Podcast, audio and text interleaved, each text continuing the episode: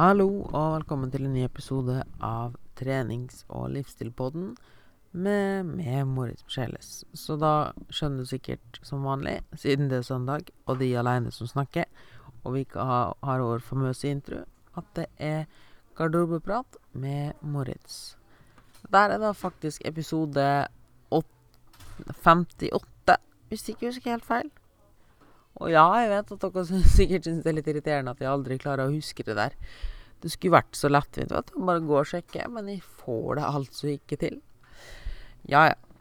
Men uh, uansett, dagens tema er hvorfor det skal være så utrolig vanskelig å si nei takk iblant.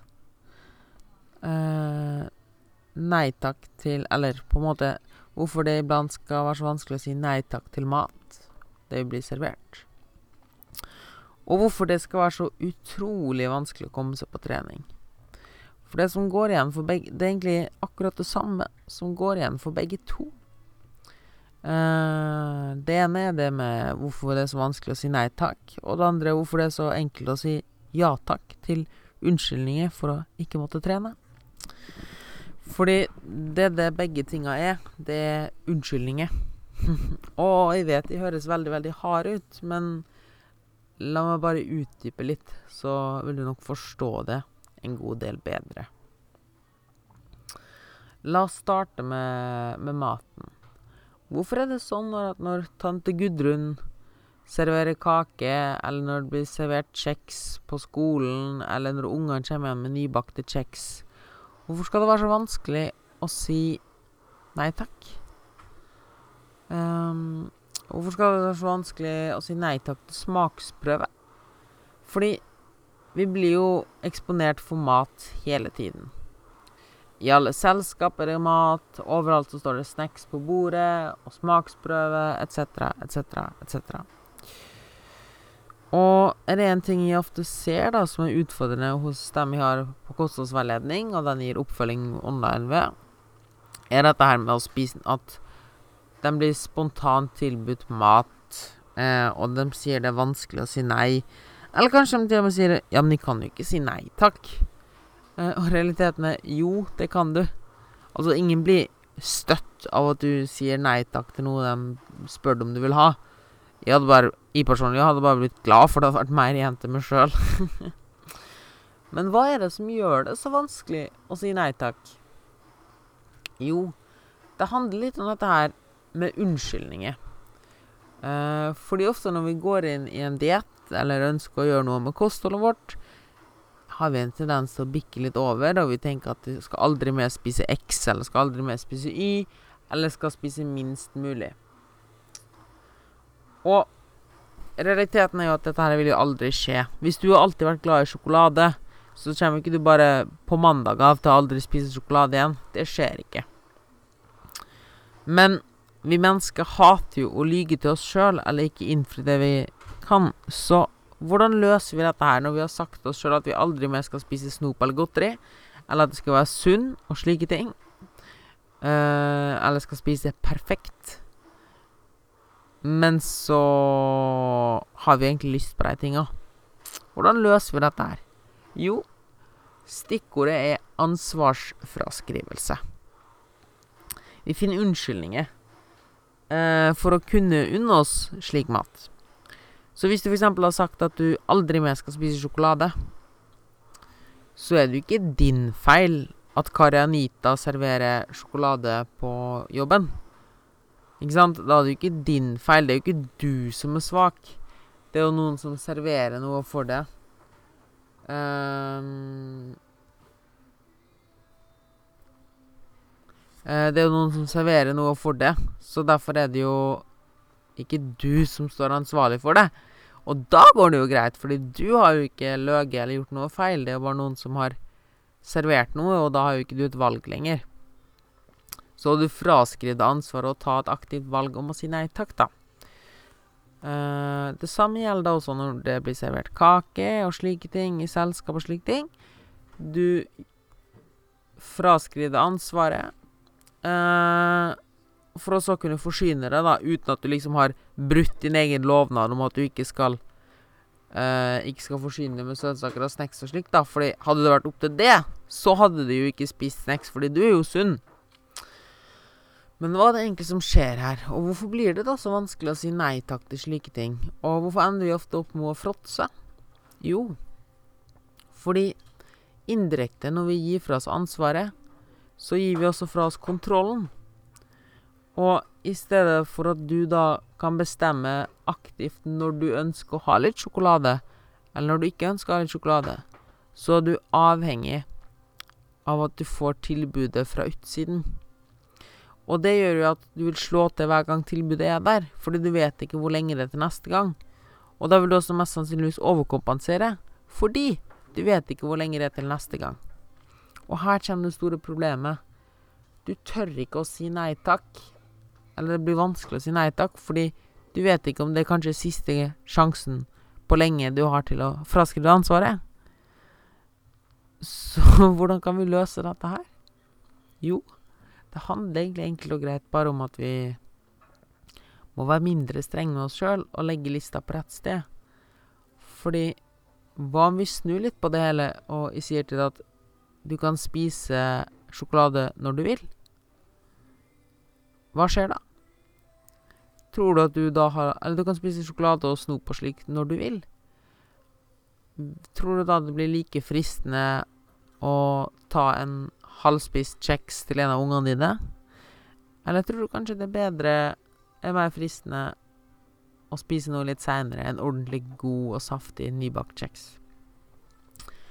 Eller tror du det er sånn at det er jo ikke alltid det frister med sjokoladekake klokka ti om morgenen, eller gulrotkake på lærerværelset, hvis du er lærer, da. Eh, tror du ikke det hadde frista mer å ta seg en god gulrotkake etter middag, kanskje? Slike ting. Så poenget mitt er at når du klarer å senke lista og forstå at det er ditt eget ansvar, og du, du kan faktisk ta deg sjokolade og søtsaker når du vil. Du er ikke avhengig av at du må ha en unnskyldning for det. Så blir det også mye, mye lettere å si nei takk. Fordi det som gjør det vanskelig å si nei takk, er at du er livredd for at du gir fra deg en mulighet. Eh, men når du vet at du kan gjøre dette når du vil, så er det ikke like fristende. Det er egentlig selv om det Eller det er kanskje litt sånn mindblowing, da, men samtidig så er det jo utrolig enkelt. Fordi bare tenk på en unge. Hva skjer når du sier til en unge at han får ikke lov å se på TV? Jo, han vil jo bruke hver eneste unnskyldning han kan for å kunne se på TV. For eksempel 'Nei, nei, jeg skulle bare gå inn i stua og hente noe som ble litt stående og se på TV mens dere så på'. Men hvis du sier til ungen at du kan se på TV når du vil, så går det kanskje noen dager der han ser mye på TV. Men etter hvert så blir han lei. Fordi han har lyst til å finne på andre ting. Og slik er det med mat og kosthold også. Mye av problemet kommer at vi legger altfor strenge regler for oss sjøl. Etter hvert så må du, hvis du klarer å senke lista litt, og heller tenke på hva det kroppen min trenger for å føle seg bra, hva har jeg lyst å spise, så vil du mest sannsynligvis stoppe. Og det vil ikke være så fristende å spise sjokolade, søtsaker og snacks og slike ting hele tiden. Og det vil være lett å si nei takk, fordi ærlig talt Hvem har lyst på en bløt sjokoladekake ut fra en matboks klokka ti om morgenen? Det er ikke da det er mest fristende. Men vet du når det er fristende? Det er på kvelden. Eller en annen gang, da. Altså, det mener jeg at Nyt maten når du faktisk riktig kontekst, og når du faktisk har behov for det, i stedet for å gripe hver eneste mulighet i redsel for at det er siste gangen på lenge at du har den muligheten. Ta kontroll. Ikke la, så ikke la omstendighetene og omfeltet bestemme eh, hva og når du skal spise. Bestem sjøl. Ta eierskap. Og etter hvert så vil du da også klare å si nei takk til slik mat uten at det er krever særlig mye av det. Fordi det er ikke sånn at du alltid har lyst på sjokolade og kjeks og søtsaker og sånne ting. Det bare føles sånn fordi du sjøl aldri unner deg det. Så hver gang du blir tilbudt det, så må du gripe muligheten. Fordi fra eget initiativ så tillater deg ikke å gjøre det. Og når du da konstant eh, påfører deg sjøl restriksjoner for når du faktisk har lyst på det, og aldri unner deg sjøl noe når du har lyst på det, så vil dette bygges opp og akkumuleres. Og når du endelig får muligheten til å finne en ansvarsfraskrivelse og unnskyldning der det ikke er din feil, da, så har vi en tendens til å fråtse. Og så ender vi i samme sirkel igjen. Da har vi kjempedårlig samvittighet og starter fra starten igjen. At OK, siden jeg fråtsa slik nå, så kan jeg i hvert fall ikke gjøre noe eh, under med noe på egen hånd. Og vi ender i den onde sirkelen der vi Der vi ikke unner oss noe som helst. Og så kommer neste anledning, neste barneselskap, der vi endelig kan gi alt det vi har demt opp, et utløp. Fordi da er det jo ikke vår feil igjen. Da er det jo omstendighetene som feiler, ikke sant. Det var jo ikke vi som feila. Det var jo omstendighetene. Hva om vi bare er ærlige med oss sjøl og sier Du, jeg har lyst på litt sjokoladekake nå. Men da må vi også være ærlige og flinke med oss sjøl og si Du, det var nok sjokoladekake nå. Hvis du klarer å høre litt etter kroppen din i stedet for å bare legge svart-hvitt-regler, så vil du komme så utrolig mye lenger, og du vil merke at du har ikke behov for den overkompenseringa. Og du har ikke behov for å alltid si ja takk til å naske på et eller annet eller smake et eller annet, slike ting. Det behovet forsvinner når du tør å ta ansvar, og når du tør å lytte til kroppen din. Og ikke minst når du ellers spiser sunt og balansert næringsrikt, som vi har snakka om tidligere. Det samme gjelder når det kommer til trening. Hvorfor er det så lett å lete etter unnskyldninger, eller finne muligheter for å slunte unna trening? Jo, igjen, vi er for strenge med oss sjøl. Hvis treninga di er så hard at du finner hvert eneste smutthull du kan for å unngå trening, så er den treninga di for hard. For det skal ikke være sånn at treninga di er så hard at, og så ork og så jævlig at du skal leite etter unnskyldninger for å ikke trene. Treninga di skal være trivselsbasert, og du skal kjenne at dette her er noe jeg vil gjøre for å gjøre kroppen min noe godt. Dette er noe jeg vil gjøre for ha, fordi det faktisk er gøy.